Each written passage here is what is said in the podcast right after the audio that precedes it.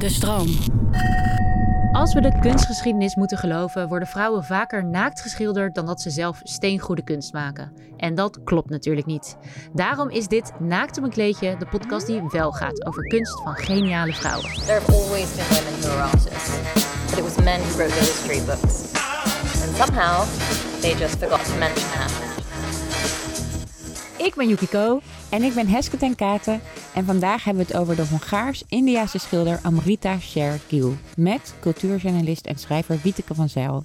En wij genieten wekelijks van haar rubriek Oog voor Detail in Volkskrant Magazine, waarin ze inzoomt op onopvallende details in kunstwerken. Wieteke koos het schilderij Zelfportret als Tahitiaanse van Amrita Shergill uit 1934. En we zien daarop een jonge vrouw met een dikke zwarte paardenstaart, haar borsten bloot, haar taille bedekt. Voor die tijd, in de westerse kunstgeschiedenis, was je blootschilderen nogal baanbrekend. Op de achtergrond van het schilderij zie je een wandkleed en naast haar lichaam een schaduw. De vrouw kijkt je niet aan, maar kijkt een beetje naar links, alsof ze naar iemand schuin achter je staart. Haar blik is doelgericht en vastberaden, maar ook introvert zou ik zeggen. Ja, en het is Amrita zelf, naakt voor een tapijt dus. En er is heel veel over te zeggen, maar daarvoor zit Wieteke natuurlijk bij ons aan tafel. En voor de oplettende luisteraar, ja, Wieteke schreef ook over ditzelfde werk een stuk in Volkskrant Magazine. Wieteke, welkom. Wat fijn dat je er bent. Wat fijn dat ik hier mag zijn, dank je. Wat uh, zie jij als je naar dit uh, zelfportret kijkt? Um, ik leerde haar dit kunstwerk kennen via een boek. Dat gebeurt niet zo vaak, maar dat was coronatijd, dus ik kon niet zoveel naar, naar musea. Uh, dus de route is even andersom gegaan. Vaak loop ik per ongeluk tegen iets aan en daar blijf, blijf ik dan op hangen.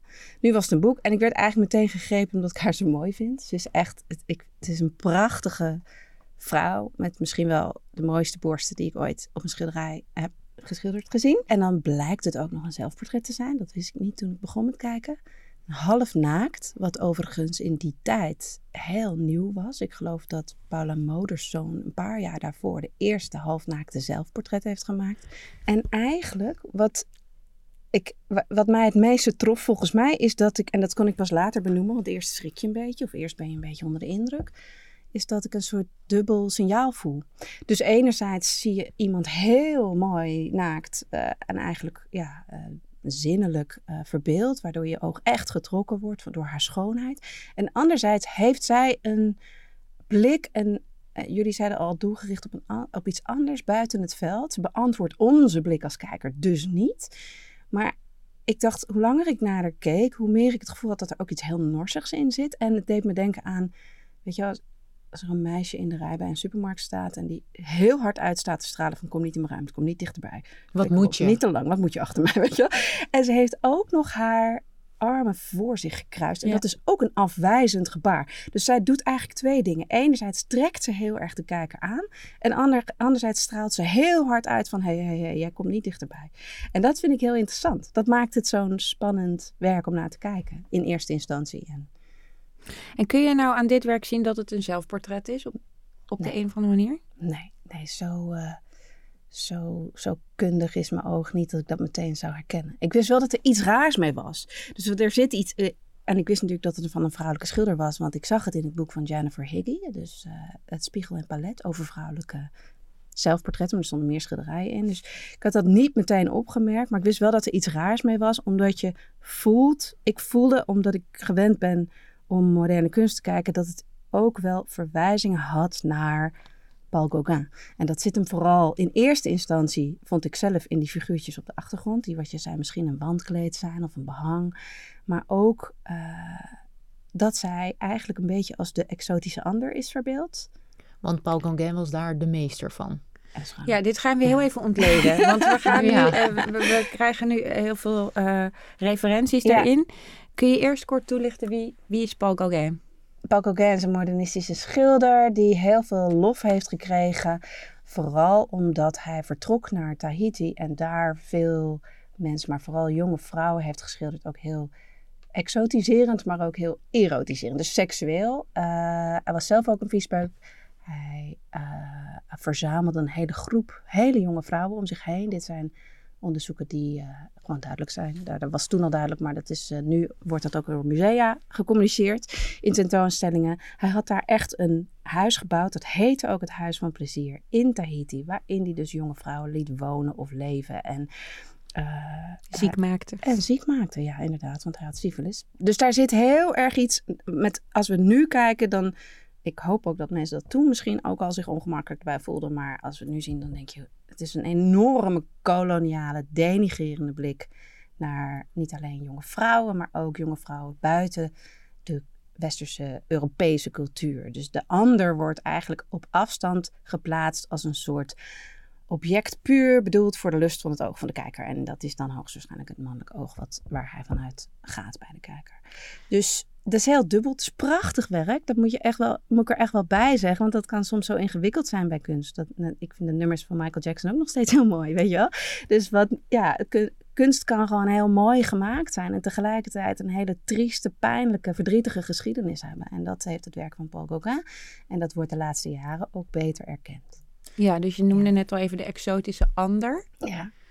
Kun je daar nog een definitie in wieteke taal van geven wat dat is? Wieteke taal. I like it. Nou ja, wat hij doet is eigenlijk stelt, stelt hij zichzelf centraal. En de ander, de, dat, die, de meisjes die hij schildert, die zijn er echt puur alleen maar voor het lust van degene die kijken. Dus ze zijn er voor jou. Ze wordt een soort van gepresenteerd op een blaadje van zou je, zou je haar niet ook heel graag willen, zeg maar. Dus daarmee is, is het al geen persoon, dat meisje. Geen persoonlijkheid. Hoewel hij wel echt ook sommige meisjes vaker heeft geschilderd. Maar daar zit altijd iets in van het staat buiten mij, ze staat onder mij. Het is minder er zit een hiërarchie in. Er zit een enorme machtshierarchie in, ja, dat is duidelijk. En, eh, en het is aan de andere kant van de wereld. Dus wat hij deed, hij hemelde dat heel erg op. Hij vond zichzelf ook heel... Ja, hij liep ook door Parijs, van ik ben daar geweest en ik weet hoe... Hij stond Hè? zich erop ik weet er voor. alles. Ja, hij stond er een Ja. beetje, hij stond zich erop voor. En, ehm, maar tegelijkertijd, eh, dus hij nam het mee alsof hij alle kennis had van Tahi- Tahiti, in plaats van de mensen zelf daar te vragen van hoe is het hier en wat weten jullie en wat kunnen jullie en wat willen jullie. Ja. Ja, en wil je überhaupt je kleren voor me uittrekken om te poseren? Dat weten we eigenlijk helemaal niet hoe die modellen daar terecht kwamen. Nee. Voor zijn. Dat is Nou ja, ook- en kun je daar überhaupt een, eh, rationeel, ra- een rationeel besluit over nemen als een witte, welvarende man dat aan je vraagt? Op zo'n moment, weet je, dat is ja, die machtsverschillen waren zo groot dat dat heel moeilijk is om daar een... Nou, dat is wel bekend hoor, dat een van die meisjes die met hem is geweest hem echt eh, bij weg is gegaan en verschrikkelijk vond. Ja, dus gelukkig ja. zijn er wel een aantal dingen gedocumenteerd, bij, opgeschreven, waardoor je weet ook wat zij zelf vonden. Hij was gewoon dus een sexual predator. Die in, in een ander land eh tekeer ging. Ja, alleen al omdat het feit dat die meisjes 13 en 14 jaar waren. Ja, Ja. precies. Dus, eh, En dit werk dus ook dat is toen niet normaal. Ja, dat is Gauguin. En, ja, precies. Ja, en dit werk refereert daar, eh, daarnaar, volgens jou. Ik zag ook een schaduw Links, links van haar. En dan weet ik niet of dat projectie is, omdat ik natuurlijk heb gelezen dat het een referentie eh, naar Gauguin is. Maar ik had bijna het gevoel alsof hij ja, zijn schaduw over haar heen laat vallen. Of dat zij ja, toch een soort daarmee speelt met ja, standing on the shoulders of giants, standing on the shoulders of shadows. Ja. Zo, zoiets. Hoe zie jij dat? Nou, wat ik wel tof vind aan dit werk is dat het eigenlijk eh, dus meerdere dingen vertelt. Waardoor je ook niet helemaal vat krijgt op wat... ze- Het is geen pamflet of zo, hè? Het is ook geen stellingname tegen Gauguin. Het is een reactie erop. Het is een, wat wij nu misschien een, een, een, een decoloniaal commentaar zouden noemen of zo. Eigenlijk is er de tijd heel erg vooruit in het, aan- in het, in het eh, aan de orde stellen van die verschillen tussen Europa en de rest van de wereld. En hoe Europa naar de rest van de wereld kijkt. Dus, maar tegelijkertijd kun je het ook als een ode zien. En zien mensen het ook als een ode, want ah, voor zijn schilderstijl. Die schaduw is echt weird. Ik moest er ook op worden gewezen. Dus je, er, achter haar zit een schaduw. Er is ook iemand die heeft geschreven dat er een schaduw over haar heen valt. Maar ik, ik zie dat niet zo goed. Ik zie eigenlijk alleen maar de schaduw op de muur, die heel duidelijk niet haar schaduw is. Bij die, op haar buik zou je nog kunnen zeggen dat dat gewoon haar borsten zijn. Zeg maar, Ja. en de lichtval. Maar die schaduw op de muur achter haar, dat is duidelijk een schaduw van een man. Dat is Het, lijkt, het lijkt haast alsof als het een foto zou zijn, alsof het de fotograaf is. Dus als je, als, stel, om het een beetje uit te leggen in beeld, stel zij zou voor een, een glazen raam staan en je, en je neemt met je iPhone een foto van iemand, dan zie je de reflectie van de fotograaf. Want het lijkt iemand die recht vooruit naar haar kijkt. Ja. Frontaal kijkt. Terwijl zij natuurlijk met haar schouder naar ons toe staat. Hè? Dus zij wendt zich een beetje af. En dat zit hem ook in dat nukkige van... ik hoor niet helemaal bij jou en ik doe lekker wat ik zelf wil. Uh, die schaduw die staat daar dus inderdaad, zou je kunnen zeggen, zoals jij zegt, Yuki, als een soort, alsof er iemand meekijkt over haar schouder. Uh, maar ook alsof ze zich natuurlijk gewoon niet in de schaduw, maar voor de schaduw van die man plaatst. En dat vind ik er heel mooi aan. Dus zo zie, ik het, zo zie ik het graag. Maar of ze dat bedoeld heeft, zullen we nooit zeker weten. Nee, want daar is dus ook weinig documentatie over. Nee. Nee. Niet over, ze heeft voor zover ik weet geen uitspraken direct over Kokaans werk gedaan. Nou, zij is natuurlijk wel een, uh, of zij was een uh, Hongaars-Indiaanse schilder. Ja. Um, Met een bizarre levensloop, vond ik. Vertel. Nou, laten we het met, met z'n drieën reconstrueren. Want ik, heb, ik, ik kende haar werk wel, maar ik kende niet haar levensverhaal. Maar ze is heel jong overleden. Op haar 28ste. Met een verschrikkelijke dood. Het is niet, het is niet helemaal bewezen, maar het lijkt erop dat haar derde abortus haar, het einde van haar uh, leven betekent. En uh, dat is door haar eigen echtgenoot verricht. Dus je zou ook nog van moord kunnen spreken in dat licht. Of tenminste, de moeder van Amrita noemt haar geliefde een moordenaar, las ik. En uh, dat was volgens mij ook een familielid, een achterneef met wie ze was getrouwd. Directe neef, eerste Of een directe neef, ja. ja. En um, nou, Amrita die was al heel jong getraind om eigenlijk dit vak te doen. Dus op haar negende kreeg ze professionele teken- en schilderlessen. Uh, en uh, ging ze ook naar eigenlijk hele elitaire kunstopleidingen in Parijs. Uh, ik, ik, ik, zou het moeten opzoeken hoe die, hoe die school heette. Beaux-Arts. Ja. Nee, ze werd daar op haar 16 al aangenomen. Heel Ja. vroeg. En daarvoor zat ze al in Florence bij de Santa, Santissima. Ook, van die- ook zo'n schilderopleiding. Ja. Zeker. Maar dat, dat is ook meteen wat ik er wat ik interessant vind aan dat we het net over Gauguin hadden, is omdat zij was Hongaars-Indiaas. Zij was zelf ook natuurlijk iemand die in het straatbeeld van die tijd, zeker in Parijs, best opvallend was. Zij zag er niet, nou ja, ik vind het altijd vervelend om te zeggen, de standaard Française of iets dergelijks, Mhm. omdat ik zelf ook vaak dat toch krijg van, je ziet er niet uit als de standaard Nederlander. Mhm. Ehm, maar dan snappen jullie wel wat ik bedoel. Ja. Mensen vonden haar uiterlijk opvallend, hadden, hadden dat nog misschien niet zo vaak gezien. Ehm, Ja, En ook haar hele jonge talent. En haar hele, zeker, tuurlijk, eh, ook, haar, ook haar merites. Maar toch ben ik ook benieuwd wat dat, of we daar iets over weten, hoe dat voor haar moet zijn geweest, om toch in een omgeving eh, te werken aan je, eh, aan je grote talent, waarin je niet de norm bent.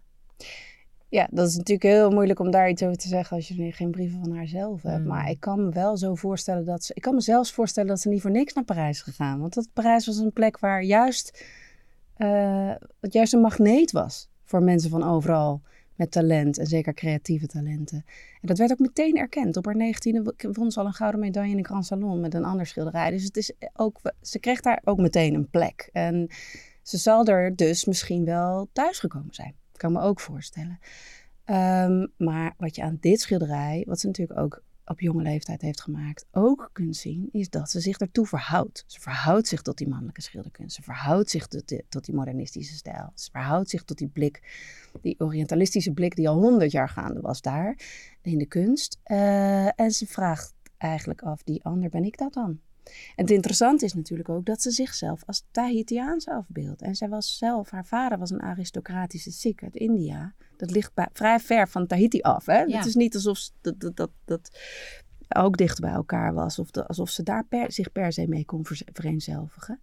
En ze was ook half Hongaars. Haar moeder was geloof ik operazangeres Ja, was een En, artiest. Ja. artiest. Dus eh, als, je, het- als je het intersectioneel bekijkt, ze komt ook uit een hoge eh, milieu. Hoge ja, ja. een hoge klas. Haar ouders hadden geld om haar deze opleidingen te geven. Dus ze zal ook een beetje, eh, een beetje zoals, een ex, zoals expats nu, weet je, een beetje boven alles hangen en zich bewegen in een soort onafhankelijke ruimte, kan ik me zo voorstellen. Van, waarbij succes niet gegarandeerd was, maar een vangnet wel. En dat is natuurlijk belangrijk. Ook wel anders dan eh, andere mensen met migratieachtergrond misschien die in Parijs werkten. Dus Ja. ze had dat wel. Dus allemaal, allemaal razend interessant. Maar het belangrijkste is, ze verhoudt zich tot die Franse schilderkunst door zichzelf als de Tahitiaanse af te beelden.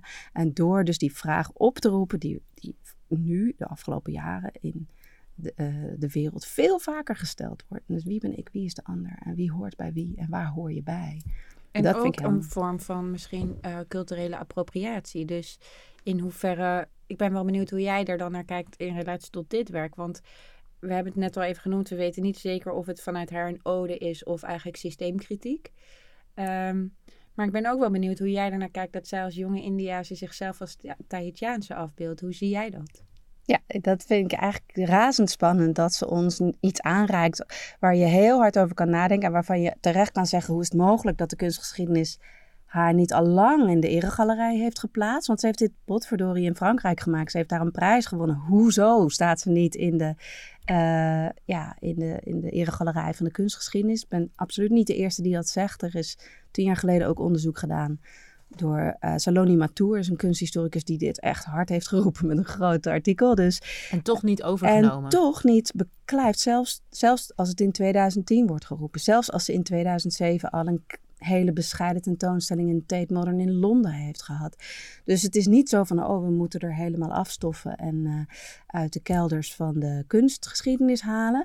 Maar er is iets aan de hand met ons denken over kunst. En dat is problematisch. Waarom zij niet automatisch daar een plek heeft. En dat zal er misschien mee te maken hebben dat zij dus toen al eigenlijk een behoorlijk kritisch werk maakte over eh, wie zijn wij, wie zijn de ander, man-vrouw verhoudingen en westers niet-westers. Nou, maar ik, en ik ben ook benieuwd, komt dat... Ik heb je vraag niet beantwoord. Nee, ik zat net te denken, je hebt heel vakkundig om mijn vraag uh, was niet gemanoeuvreerd. Het was mij zelfs niet opgevallen, want ik begon Nou, gewoon met een andere vraag. Nou, netjes. Ik kan nu Maar- net doen alsof ik heel strategisch ben, maar het was meer een soort van associatief. Ik ging Ja. daarheen, maar ik maak Ja, die Wij afslag willen toch niet. graag even in wieteke taal Die horen. appropriatie, hè? ja. Ja. ik vind dat heel lastig om iets over te zeggen. Ik heb, ik heb zelf de neiging om te zeggen dat ik het heel eh gewiekst en geestig en scherp van haar vind. Dat ze ons ook daarover niet een eenduidige eh, stellingname eh, toont. Want eh, het gaat, dat het gaat over westers, niet-westers is duidelijk. Maar wat zij doet is volgens mij niet een Tahitiaanse vrouw willen zijn. Zij wil het imago dat Gauguin heeft neergezet van de Tahitiaanse vrouw. En waarmee eigenlijk heel Europa een beeld kreeg van Tahiti. Ehm, dat wil ze omkeren en omdraaien en bevragen. Dus ze is volgens mij sowieso niet bezig met de appropriatie van Tahitiaanse vrouwen. Waar ze volgens mij ook niet is, nooit is geweest. Maar het is meer kritiek op westerse beeldvorming.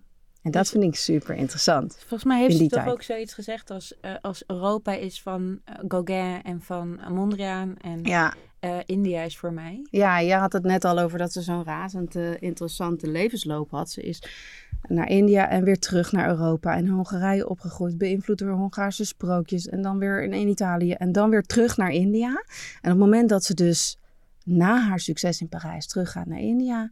schrijft ze aan een, eh, aan een vriend... eh, eh, inderdaad, Europa is voor Picasso en Cézanne en Braque. Maar India is alleen helemaal van mij. Wat ik heel grappig vind, want je kunt enerzijds dus denken van...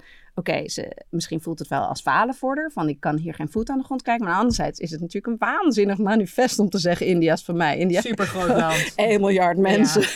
Weet je, kom mij, give me... Dat kleine I'll take Frankrijk. India. eh, kan, ja, precies.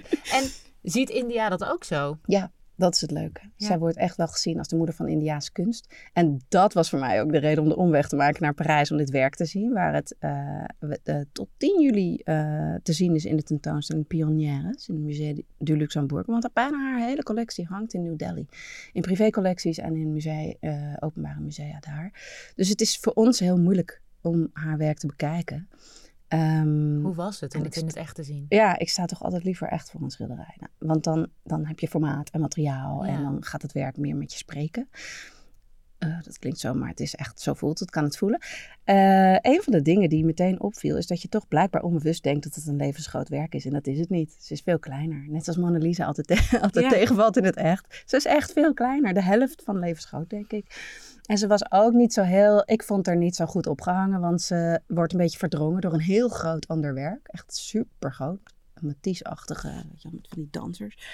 En eh, ik dacht, nee, deze vrouw verdient al lang een hele eigen zaal. Hoezo hangen er geen vijf schilderijen van haar als je dan toch een tentoonstelling maakt over vrouwelijke kunstenaars in Parijs in de jaren 20 en 30?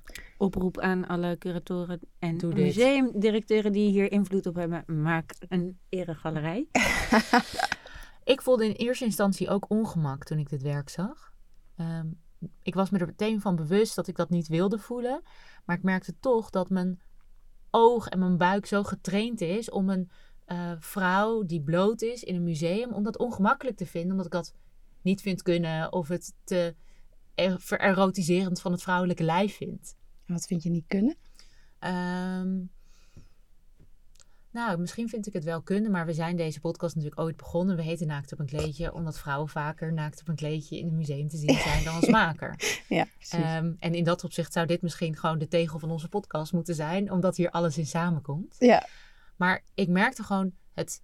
eh, ik ben gewoon zo gewired. Je Ja. bent gewoon zo gewired om meteen te denken, een soort harnas aan te trekken, meteen je handen zo voor je lijf te doen, Mm. zoals zij op, de, op de, dit schilderij zo van.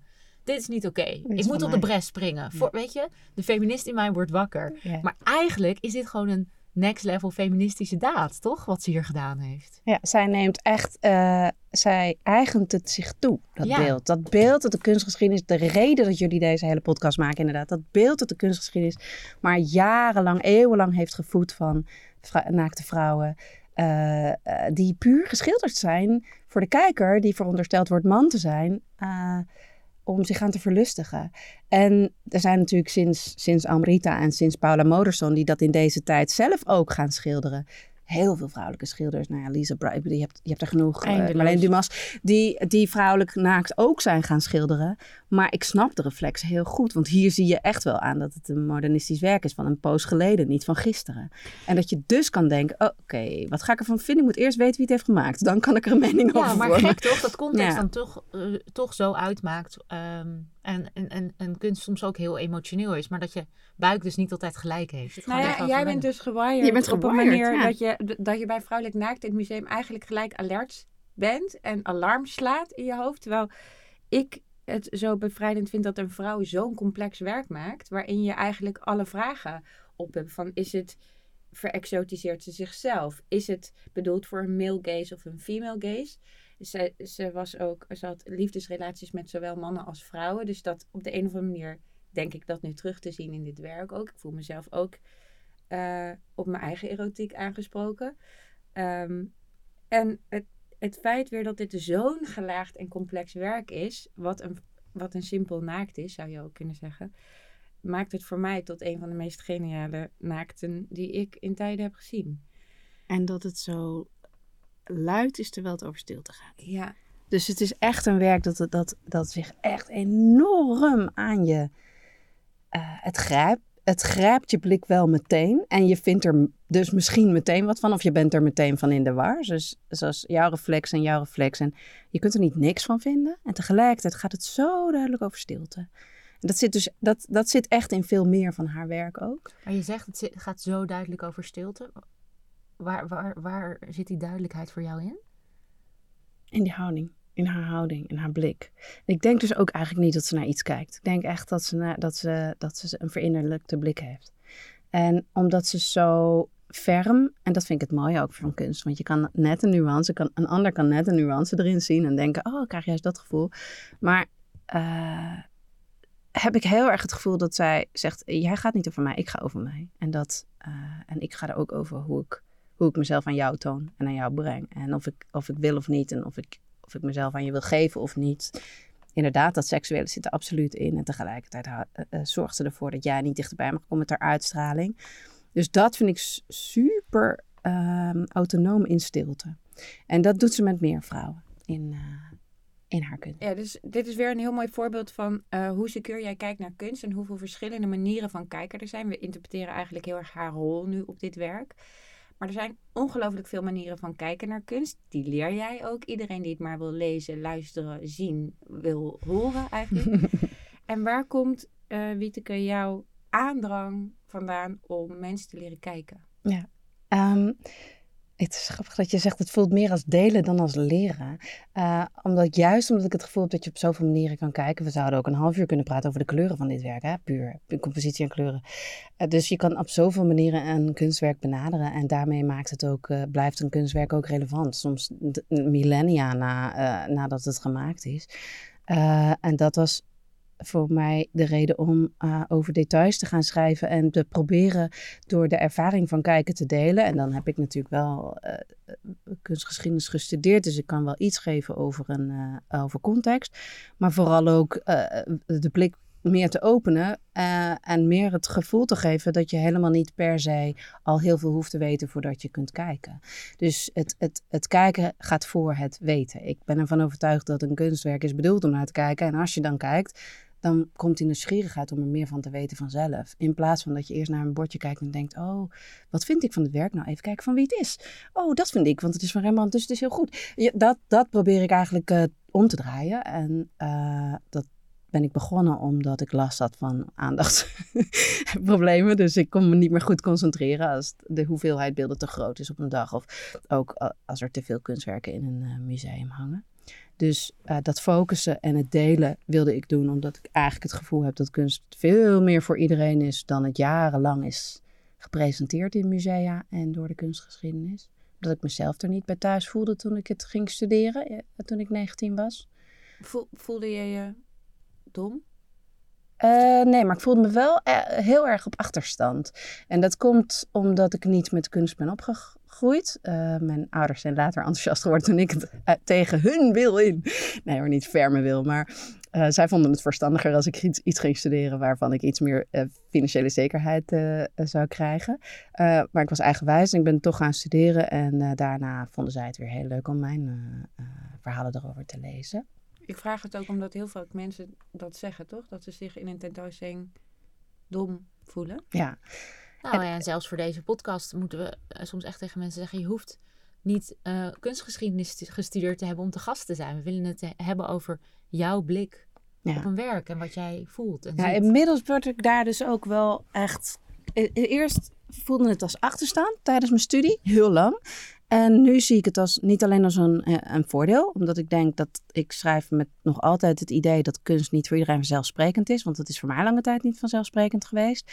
En tegelijkertijd word ik er ook wel gewoon echt bezig van. Dat ik denk, wat hebben we gedaan? Dat, dat kunst opeens iets van intellectuele is geworden. Doe even normaal. Kijk naar alle culturen in de wereld. Kijk naar elk land, elk, elke eeuw, elke periode. Mensen maken kunst. Dat maakt ons mens. En dat geeft ons door van wie we zijn en wat we willen, wat we verlangen, wat we voelen.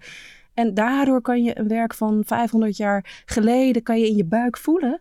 Omdat het gaat over de pijn van een vrouw die aan het sterven is of verdriet heeft. Ik bedoel, over wat je nu nog zou kunnen herkennen en daarom onwijs actueel kan voelen. En het is gemaakt van hout en van verf en van materiaal. Dus wij hebben als mensen het vermogen om materiaal te vervormen op zo'n manier dat we denken dat het als je er naar kijkt, dat je denkt dat het leeft. Nou, dat is magie. Dat is die illusie is magie. En die is potverdomme voor iedereen. Want het is altijd door iedereen gedaan. Dus er is iets gebeurd bij het ontstaan van musea. Want musea zijn natuurlijk niet uit de lucht komen vallen uh, toen Adam en Eva in het paradijs liepen. Die zijn 200 jaar geleden pas ontstaan. En bij het ontstaan van de kunstwetenschap, de, de hoge heren die dachten, ik heb het meest verstand van kunst. Nee, ik heb het meest verstand van kunst. En dus dat een soort van zich zo gingen toe-eigenen. Dat ze een soort monopolie op de kennis over kunst gingen krijgen. En dat daarmee de rest van de wereld zich maar ondergeschikt moesten voelen. Van, oh, ik weet pas wat als ik me laat Ja, dus eigenlijk door de inkadering. Ja, ik, daar, daar, inmiddels ben ik daar helemaal klaar mee. En ik ben ook ontzettend blij dat er heel veel anderen, ook zoals jullie, daar helemaal klaar mee zijn. En dat dat ook veel musea het inmiddels gewoon echt wel zien. We moeten hele andere dingen doen om te laten zien dat kunst van en voor iedereen is. Uh, en daarmee wordt kunst kijken ook steeds leuker. Ik vind het echt verrukkelijk hoe erg je aangaat ja. op deze vraag. Uh, maar eh, zou het dan, zouden we een vak kijken op school, op, op de basisschool bijvoorbeeld moeten leren? Ja, alleen al om het feit dat kijken voor alles wat je doet in het leven van belang is. Observeren, andere perspectieven zien, doorhebben dat je aandacht soms gestuurd wordt door anderen en daar, en daar kritisch op zijn. Uh, weten wat er gebeurt als je betekenis geeft aan visuele informatie, aan iets wat je voor je ziet en hoe we tot oordelen komen daarover. En dat het ook anders kan. Uh, dus er zitten zoveel onbewuste processen in het kijken naar de wereld om je heen.